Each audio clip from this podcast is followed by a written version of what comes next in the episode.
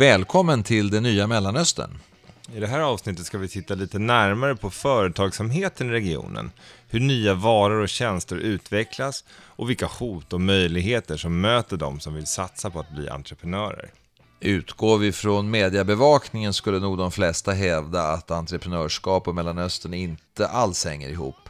Men som vi kommer att få höra i det här avsnittet stämmer inte den beskrivningen. Då tänker vi kanske framförallt på att de senaste årens utveckling, trots alla motgångar, också har fört med sig många positiva förändringar. Ja, det gäller allt från att statens dominerande roll ifrågasätts till att unga skapar sina egna idéer om hur ett bra samhälle kan se ut. Entreprenörskap är en del av den förändringsprocessen.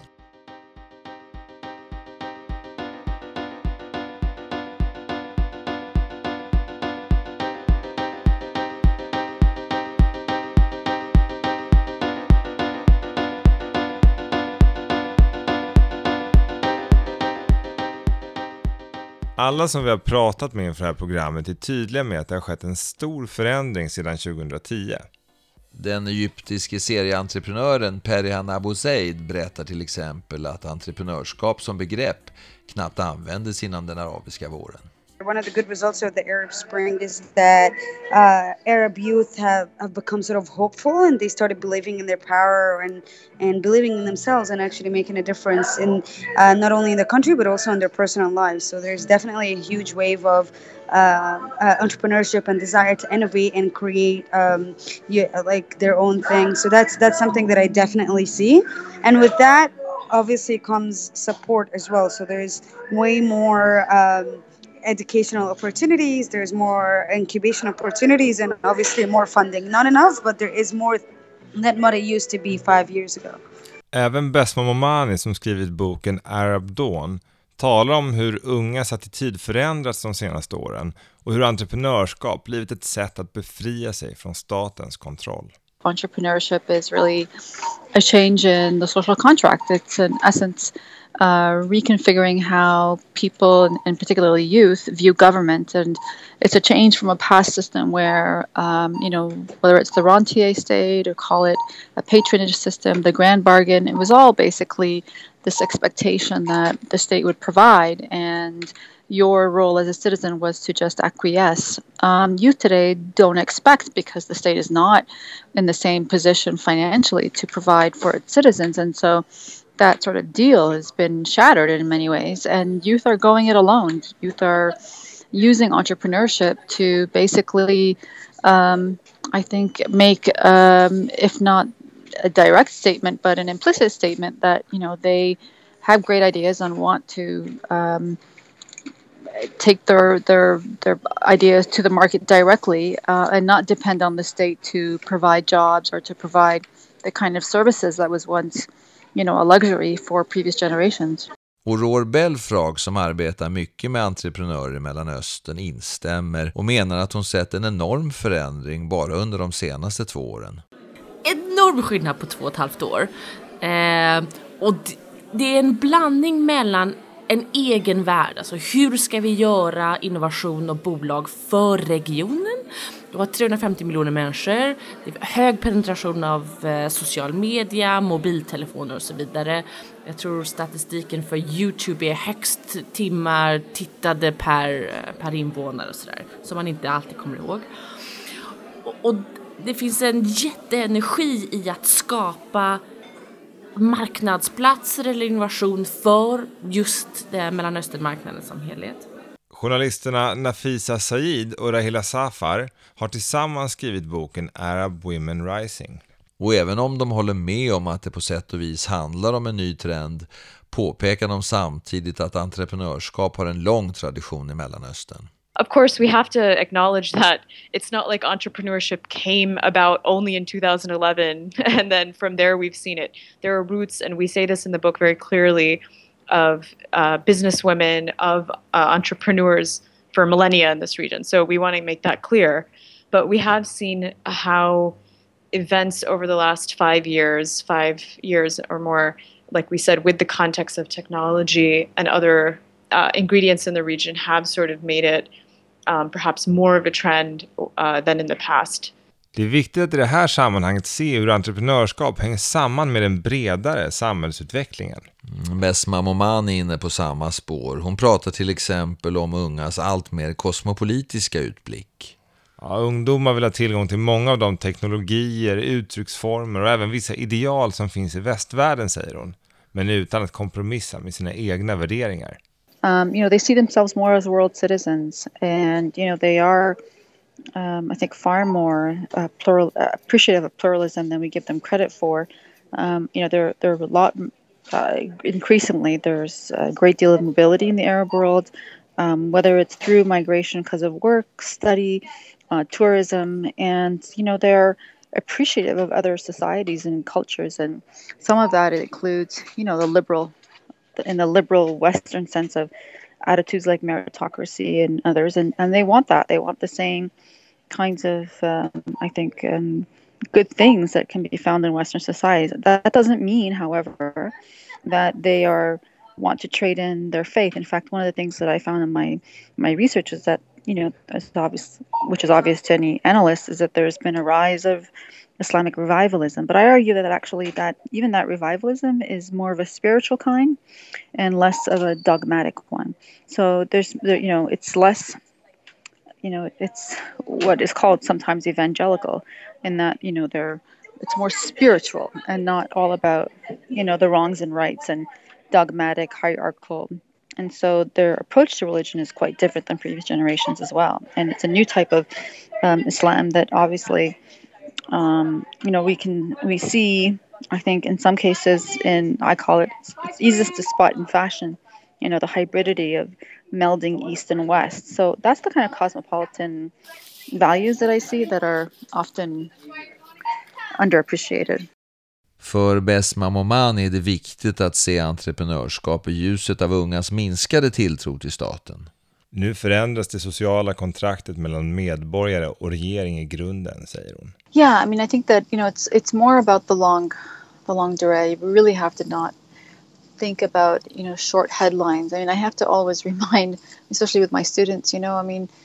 Latin America was an absolute mess 25 years ago. My father's generation, that was you know that was all about Europe. I mean, we just you know the Middle East is not going to be the Middle East, the same Middle East in 20 years, in 10, 15 years. So the question is, what does it mean when we have such strong, uh, you know, uh, patterns of entrepreneurship and that drive? I mean, it's back about understanding how that confidence and drive of young people is going to change the region. I think it is. I think that's really uh, a fundamental shakeup of the way things have been done in the region. So, you know, I'm I'm it's, entrepreneurship to me is not an entrepreneurship for the sake of entrepreneurship. It's a, to me it's about what it says about young people, what it says about again the state, the social contract, what it says about the relationship between um, you know people, young people, and society. And if you look at all of, of that and not focus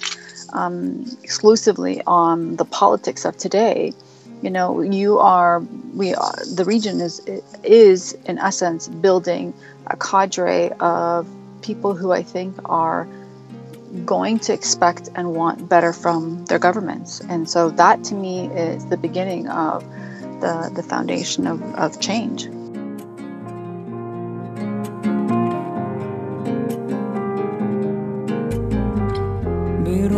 بروحي فتاة بالعفاف تجملت؟ وفي خدها حب من المسك قد نبت وقد ضاع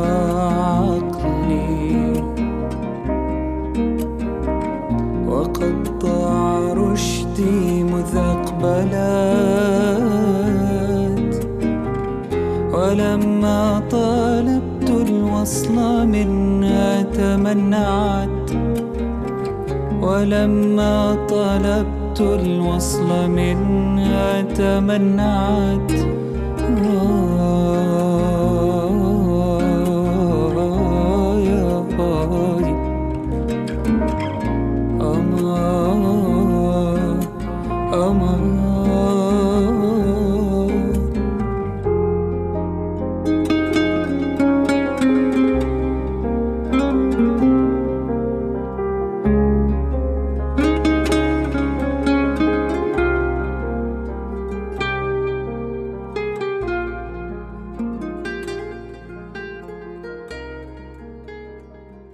Där var Abdulrahman Mohammed med låten A Girl Within My Soul.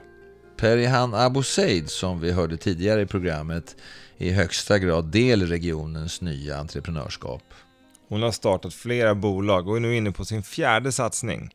Hennes tidigare skapelse Kabila fick stor internationell uppmärksamhet. basically we started Kobila, my, my friends and I and my co-founders and I, because we wanted to uh, offer the young Arabs and specifically the young Egyptians uh, the like the information that they need to make an educated decision about what was going on around them in Egypt at the time. So we were right after the revolution. People were hopeful, but also they were. Um, let's just say bombarded with a lot of political terms and a lot of a lot of concepts that they were never exposed to before and we felt that uh, it, it, was our responsibility as people that knew something about this particular area to offer people the information that they need in an entertaining and a simple way that uh, they can understand as opposed to uh, what they would see on television by the elite political scholars.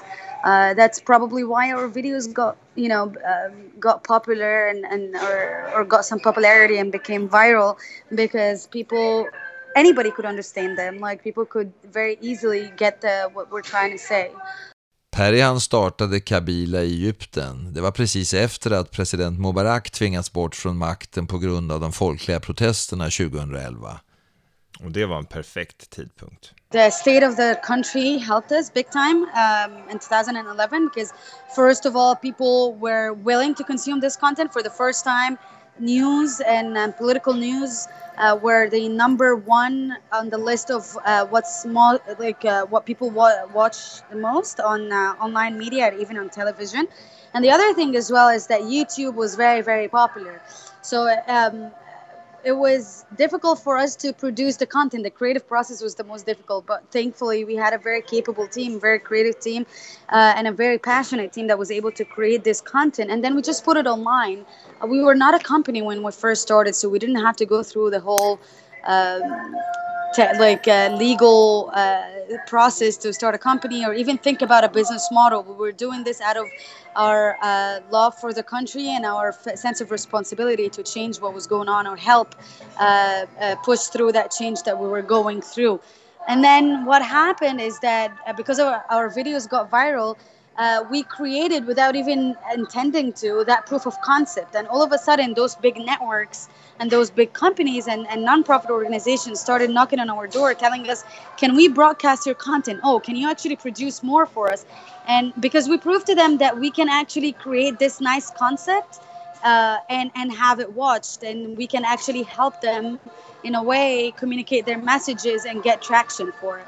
Uh, so that was the point for us to that when we realized that we have to be a company and we have to incorporate and we could actually make money off of what we were doing. Uh, so it was honestly it was um, uh, good luck uh, and uh, and a little bit more uh, of, of hard work.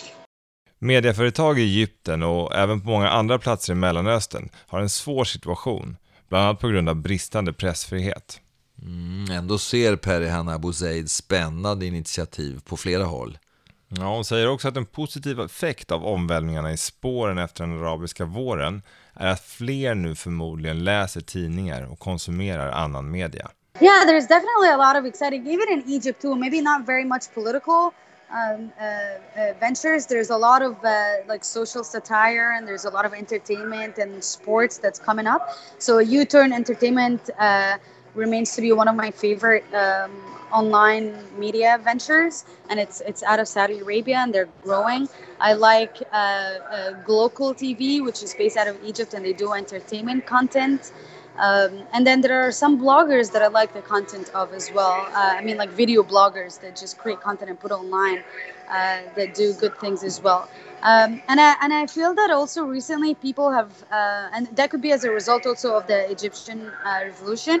But I've seen some uh, uh, change in, in the sense that, people are reading more. So now now uh, even uh, written like editorial content is consumed way more than it used to before so it's not just video it's also written content as well Vi blev såklart nyfikna på Per i hans senaste satsning Moviepigs. Hennes bas är i New York. Där bygger hon upp en plattform med arabiska filmer för en global publik. The reason that I started uh, Movie Pigs was actually two things. One is how I um, I saw that during the time that I was working with Qabila, uh, that you know the hundreds of filmmakers that I worked with kept to struggle on every whenever they started a new project every single time to get funding and to get distribution and find an audience to watch their films and it just didn't make sense to me and then when i lived abroad i didn't find the content that i was looking for that was made by the very same filmmakers and even i couldn't find content that or a platform that would allow me to share with my non-arab friends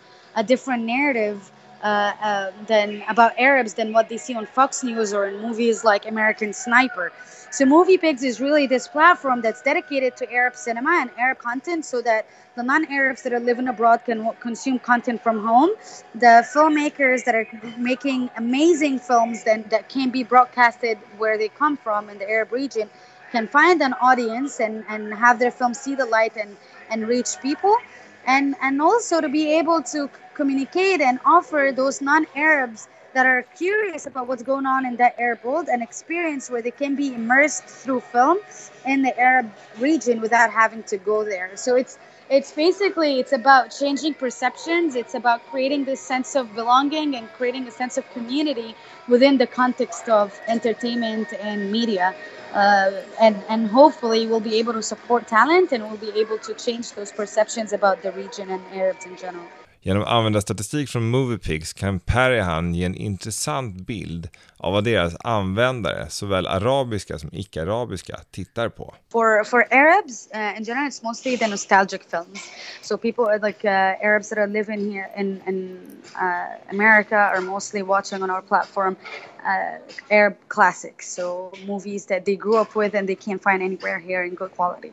But then the non-Arabs are watching more uh, what you could refer to as uh, educational films, the films that can introduce them to uh, Saudi Arabia or to uh, let's say uh, like Palestine, or sometimes there is this documentary, and I can mention this in specific.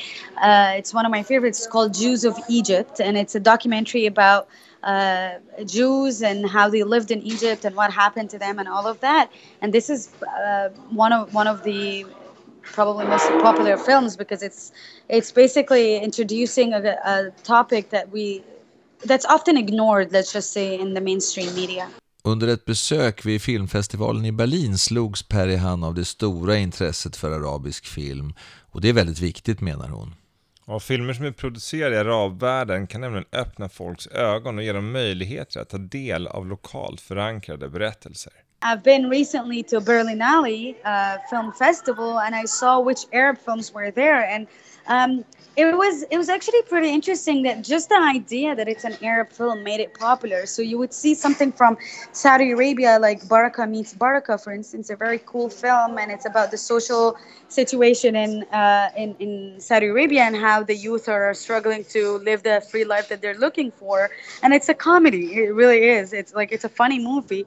Uh, but it, it was very popular. It was sold out at every single screening. They had four screenings. But at the same time, there was an official selection that was Tunisian, probably the most uh, liberal country in the region, and it was also sold out. And it got, it got it's gotten awards, and even like it's offering pretty much the same narrative but in a different treatment. Um, but people were still interested in it. There's another film that that's from Egypt. Um, uh, the last la, last days in the city, and it's still very popular, and it was also sold out, and and it's a drama. It's it's a it's another uh, it's another completely different story. But I think it's just the idea that people can be exposed to an Arab narrative and and see what the culture is like is attractive on its own. Uh, and that could be a result of the political situation. So I always say that there, uh, what's going on made some people become Arab haters, but there are also people that have become Arab curious. They just want to know what's going on. What is this world like? And a film is the fastest way to communicate that. Um, so yeah, I don't, I don't think it's necessarily a particular kind of film that people are looking for as much as just the fact that it's Arab.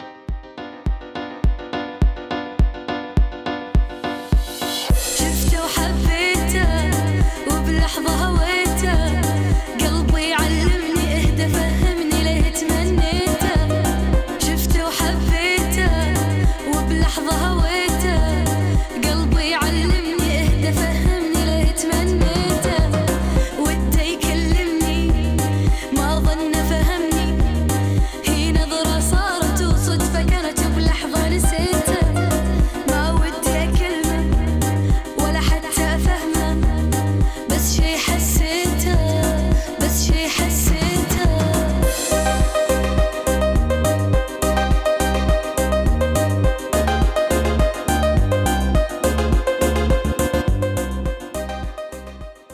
Var Sahed Sultan med sin låt I saw her, I fell for her.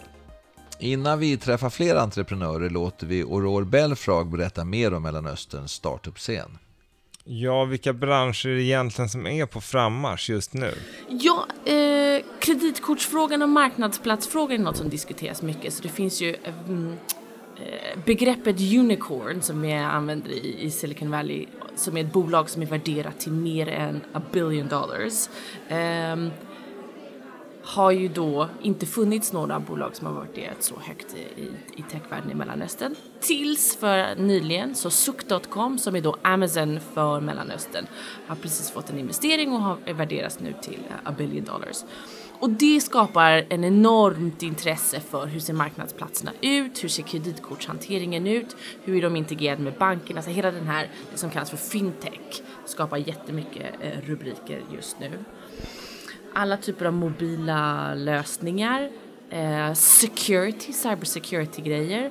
Hur ska vi inte göra många av de misstagen som banker eller industri har gjort i västvärlden. Alltså vi har möj- de har möjlighet att bygga upp sin infrastruktur lite annorlunda, så det är lite intressant tycker jag. Och vilka skillnader kan vi se om vi tittar regionalt? Tittar du på eh, Libanon, jätteliten marknad. Och per automatik så tänker de inte den libanesiska marknaden utan du hör hela tiden regional, international och så vidare. De tänker mycket större på samma sätt som jag tror att den svenska marknaden har vuxit för vi har alltid också tänkt större eftersom Sverige är pyttelitet i, i många sammanhang.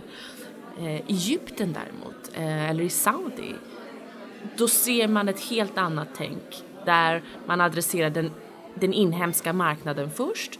Och det finns fördelar och nackdelar. Fördelen är att du, du kan din marknad och du kan vara oerhört riktad i den.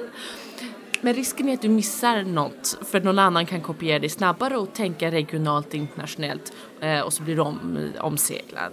Så det finns fördelar och nackdelar med det där. Och så var det Iran, kanske den sista verkligt stora ekonomin som ännu inte riktigt integrerats med den globala marknaden. Mm, pratas det överhuvudtaget om Iran i techvärlden?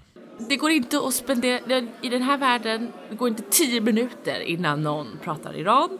Vad är det som händer? Vad är, det- eh, vad är det som folk gör? Hur fungerar det? Vem är det? Eh, hur ska kapitalet komma in? Den iranska techmarknaden är ju ganska isolerad. Det vill säga det finns en hel del lösningar som har fungerat i eh, en interimsperiod bara i Iran. Och den ska, det ska nu pluggas in i, i en global marknad. Det kan betyda att några existerande bolag kommer att försvinna och bytas ut mot eh, något som passar en större marknad. Samtidigt ser vi att det är jättemycket duktiga ingenjörer som verkligen står i startskottet och sjukt hungriga på att göra grejer. Eh, och det går inte en vecka utan en delegation, antingen från väst, men lika mycket, den här veckan är det en libanesisk delegation i Teheran och, och tvärtom. Så att det kommer bara säga av coola grejer. Vi frågar även Aurore om det satsas ungefär lika mycket på entreprenörskap i regionens länder. Ja och nej. Alla vill samma sak. Det är superhett. Hela vägen från Doha till Tunis till Marocko. Alla vill göra samma sak. Eh, alla inser sprängkraften i teknologin. Eh, vi tittade på statistik häromdagen. Eh, 2020 tror vi att 34 miljarder ting kommer vara kopplade till molnet. Ja, vänta nu här lite. Molnet, vad betyder det? Ja, målen till ett samlingsnamn för IT-tjänster som tillhandahålls över internet. Det vill säga det finns hur mycket som helst som skulle kunna göras i form av bolag och skapa värde och jobb.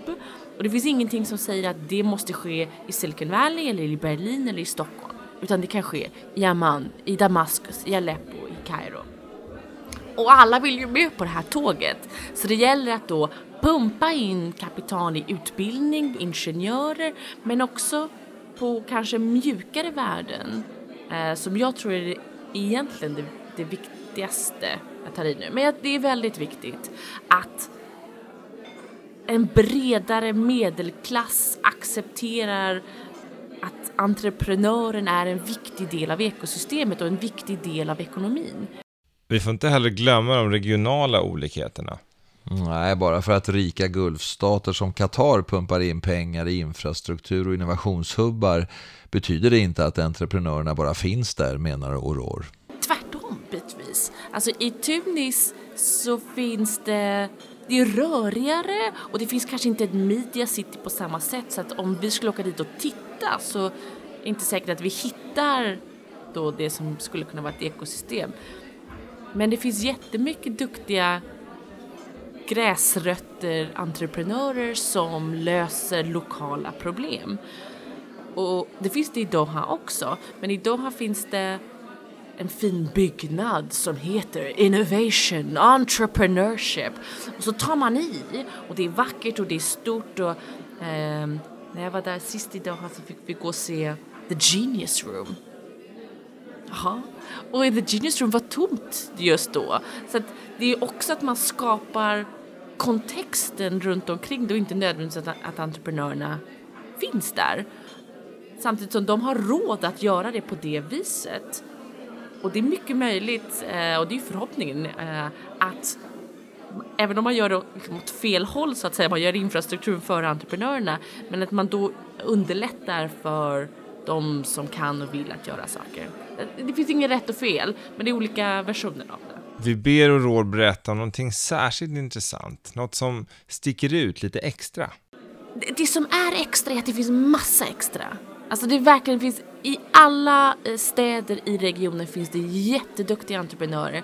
Urhungriga, jobbar häcken av sig, tänker innovativt, kreativt för att skapa marknader och lösningar eh, och givet förutsättningarna bygger bolag. Och det jag vill slå ett slag för är att det finns även i Damaskus, finns även i Aleppo. Idag 2016 sitter det bolag mitt under ett krig och bygger appar. Det är helt fantastiskt. Träffade några nyligen, kommit körandes från Damaskus till Beirut för att sitta under en två veckors workshop eh, och fundera på hur ska man bygga eh, sin marknadsföringspitch, hur ska man resa pengar, hur ska man bygga en community. Det vill säga Exakt samma konversation som jag har med startups i Stockholm eller i London eller i Berlin hade jag med de som sitter i Damaskus och Aleppo. Och det är jag ball.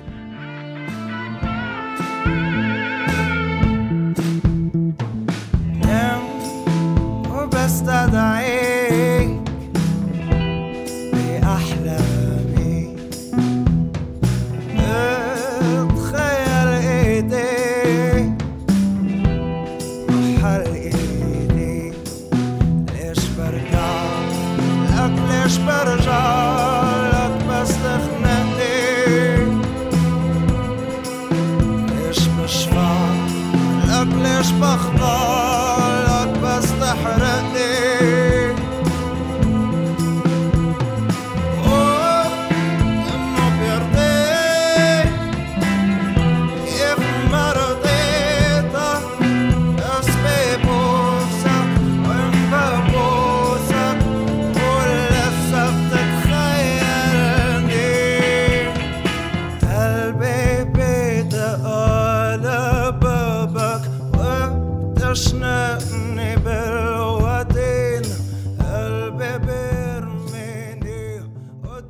Där hörde vi det libanesiska bandet Masho Leila med låten Alababo. Enligt ett gammalt talesätt skrivs böcker i Kairo, publiceras i Beirut och läses i Bagdad. Men saker och ting förändras och det gäller även bokmarknaden i Mellanöstern. Beirut is, is the, uh, the, main, the main city for printing books. But in terms of uh, publishing or authoring or uh, creating books, I think uh, there are excellent publishers all around the, the Arab world. Uh, the, the most popular uh, author is actually from uh, uh, Algeria. And uh, in terms of uh, publishing, uh, there are very, very strong publishers in Lebanon as well, not only printing. Ammar Mardawi är en jordansk entreprenör som vill fånga upp den globala trenden med e-böcker. Något som fortfarande är en eftersatt marknad i Mellanöstern. Mm, Och det ska han göra med appen Yakut. Yeah, Yakut started, to, to be honest, from a personal need. Be getting addicted on uh, into reading on uh, on the Kindle, especially, and uh, ebooks in general. I found myself uh, reading uh, more English books uh, than Arabic, and I found myself little by little not reading Arabic Arabic books anymore because they're not available in ebook formats, uh, which I got addicted to, and uh, was no longer, you know, uh, uh, wasn't favoring the, the the print book anymore.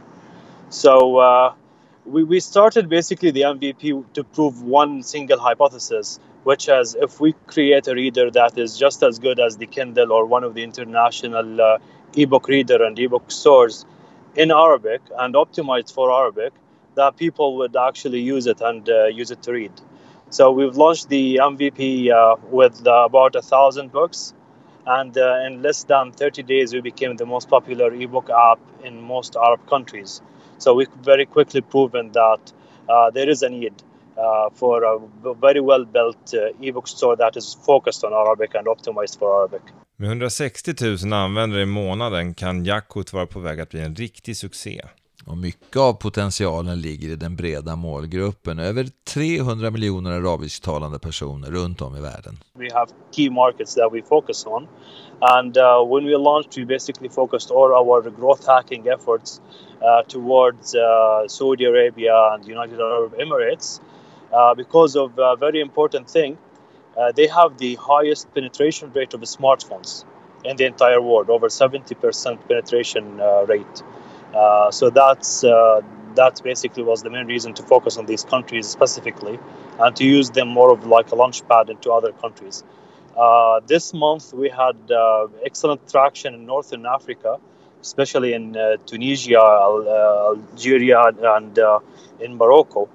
Ibland kritiseras företag i Mellanöstern för att inte blicka tillräckligt mycket utåt mot en global publik. Men Amar menar att det trots vissa svårigheter är helt rimligt att entreprenörer väljer ett regionalt fokus. the region is, is by itself it has it has a big importance uh, especially uh, that they all speak the same language they have the same culture and the same uh, shared history so uh, it's uh, it's definitely uh, there is a lot of uh, synergy or uh, harmony uh, in, in in this region so you can target it really well uh, on the other hand, it's a very fragmented region. I mean, the, uh, you're talking about several countries with different laws and uh, different ways of doing business. So there, there are many challenges and there, there's a lot of opportunities.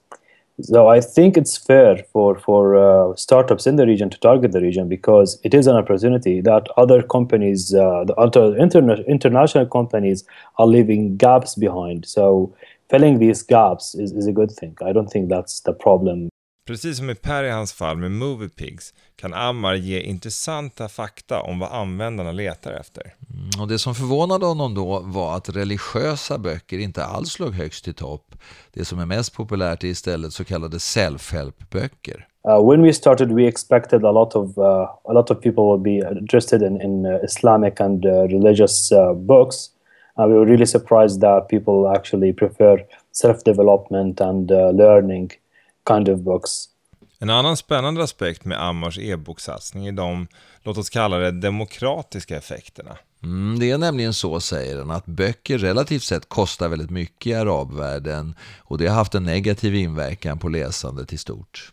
Förhoppningen är därför att e-böcker kan bidra till att sprida läsandet till nya grupper och därmed få en slags demokratiseringseffekt. One one thing that is very noteworthy about uh, books and book consumption in the Arab world.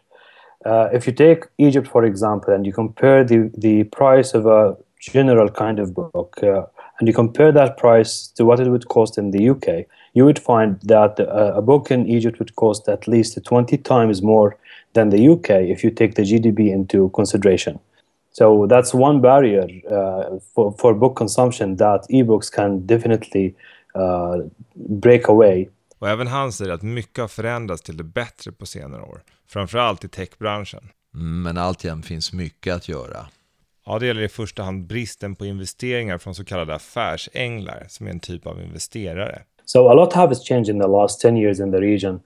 Uh, basically, uh, the, the, the, uh, the consumer internet kind of startups, uh, developed really quickly. In the last uh, three to, to, to five years, we've seen multiple huge startups uh, starting from nothing and making huge companies out of it, and that have been really encouraging. However, so far, I think the what's lagging in the in the region is the number of exits. Uh, there haven't been that many number of exits, and uh, and the way usually the startup ecosystem works is it, it snowballs. So uh, you have a few startups that are successful, they exit. So when the founders exit, they usually invest that money back in other startups as angels and uh, as giving back to the community. And then it snowballs after that. Uh, unfortunately, this haven't yet reached a tipping point in the Middle East, uh, which is why you would see gaps uh, in the, in funding. Uh, so right now it's really easy to get uh, your seed fund. It's really easy to get your growth fund. But between that, uh, you would find many gaps where a lot of startups, unfortunately, are shutting down only because they don't have enough runway, not because they don't have the market fit yet or the product market fit or the right product for the market. Det råder ingen tvekan om att entreprenörskap förändrar sociala, kulturella, ekonomiska och politiska relationer i Mellanöstern. Ja, det är helt enkelt en trend som vi inte kan missa. Vi kan också se hur entreprenörer i grunden utmanar statens traditionella roll som skapare av såväl bärande samhällsidéer som fysiska arbetsplatser. Vi avslutar här avsnittet med några ord från journalisten Nafisa Sayid och ett positivt exempel från Egypten och företaget Best Moms. Tack för att du har lyssnat. I'll give you an example from our book. Uh, there was uh, two two women in Egypt um, who started a company called Best Mums, and they started uh, creating uh, breastfeeding covers, which weren't available on the Egyptian market a few years ago. And they just started manufacturing them there using all Egyptian products and then started placing them in stores. They got so big. First, it was run out of their home, they got much bigger. So, you know, they talk about, for instance, maybe in the beginning, their families weren't so excited about them going to certain parts of town to get, you know, sourcing for the material they needed, or maybe, you know, they didn't really want them to go to certain areas, or, you know, even, or if it's cutting into, say, their family life. But over time, you see how the families, even they're saying their husbands encourage them, their fathers, and over time the social attitudes around certain things. Okay, if you have to go to this meeting, you have to go to this part time, go ahead. Even one of them was talking about when her husband lost his job for a while, the money, the income they were making from this startup actually helped the family. They were able to buy a car. So then you see again, okay, here's a woman being uh, having some economic empowerment around um, from a business she started. So that's changing then the perception that you know she is a breadwinner and that's fine. If her husband has lost his job then she's able to then uh, be the breadwinner. And so you see how like very subtly we could say social cultural attitudes can change. Um, even then around uh, you know when it comes to uh, the women we interview they were very uh, particular about the vision they had for themselves and what they wanted to do so if that means they're full speed ahead charging ahead on what they want to achieve then yeah, there were cultural attitudes around what they were doing that maybe not everybody was excited about. Some women described, um, you know, at night having to go and have meetings, but maybe that was something that wasn't acceptable, or their spouses or partners didn't necessarily support what they were doing. Some of them had to get divorced because their spouse didn't really support what they were doing. So again, I mean, these this is a disruption, but this is because they were so committed to their vision of what they wanted to achieve.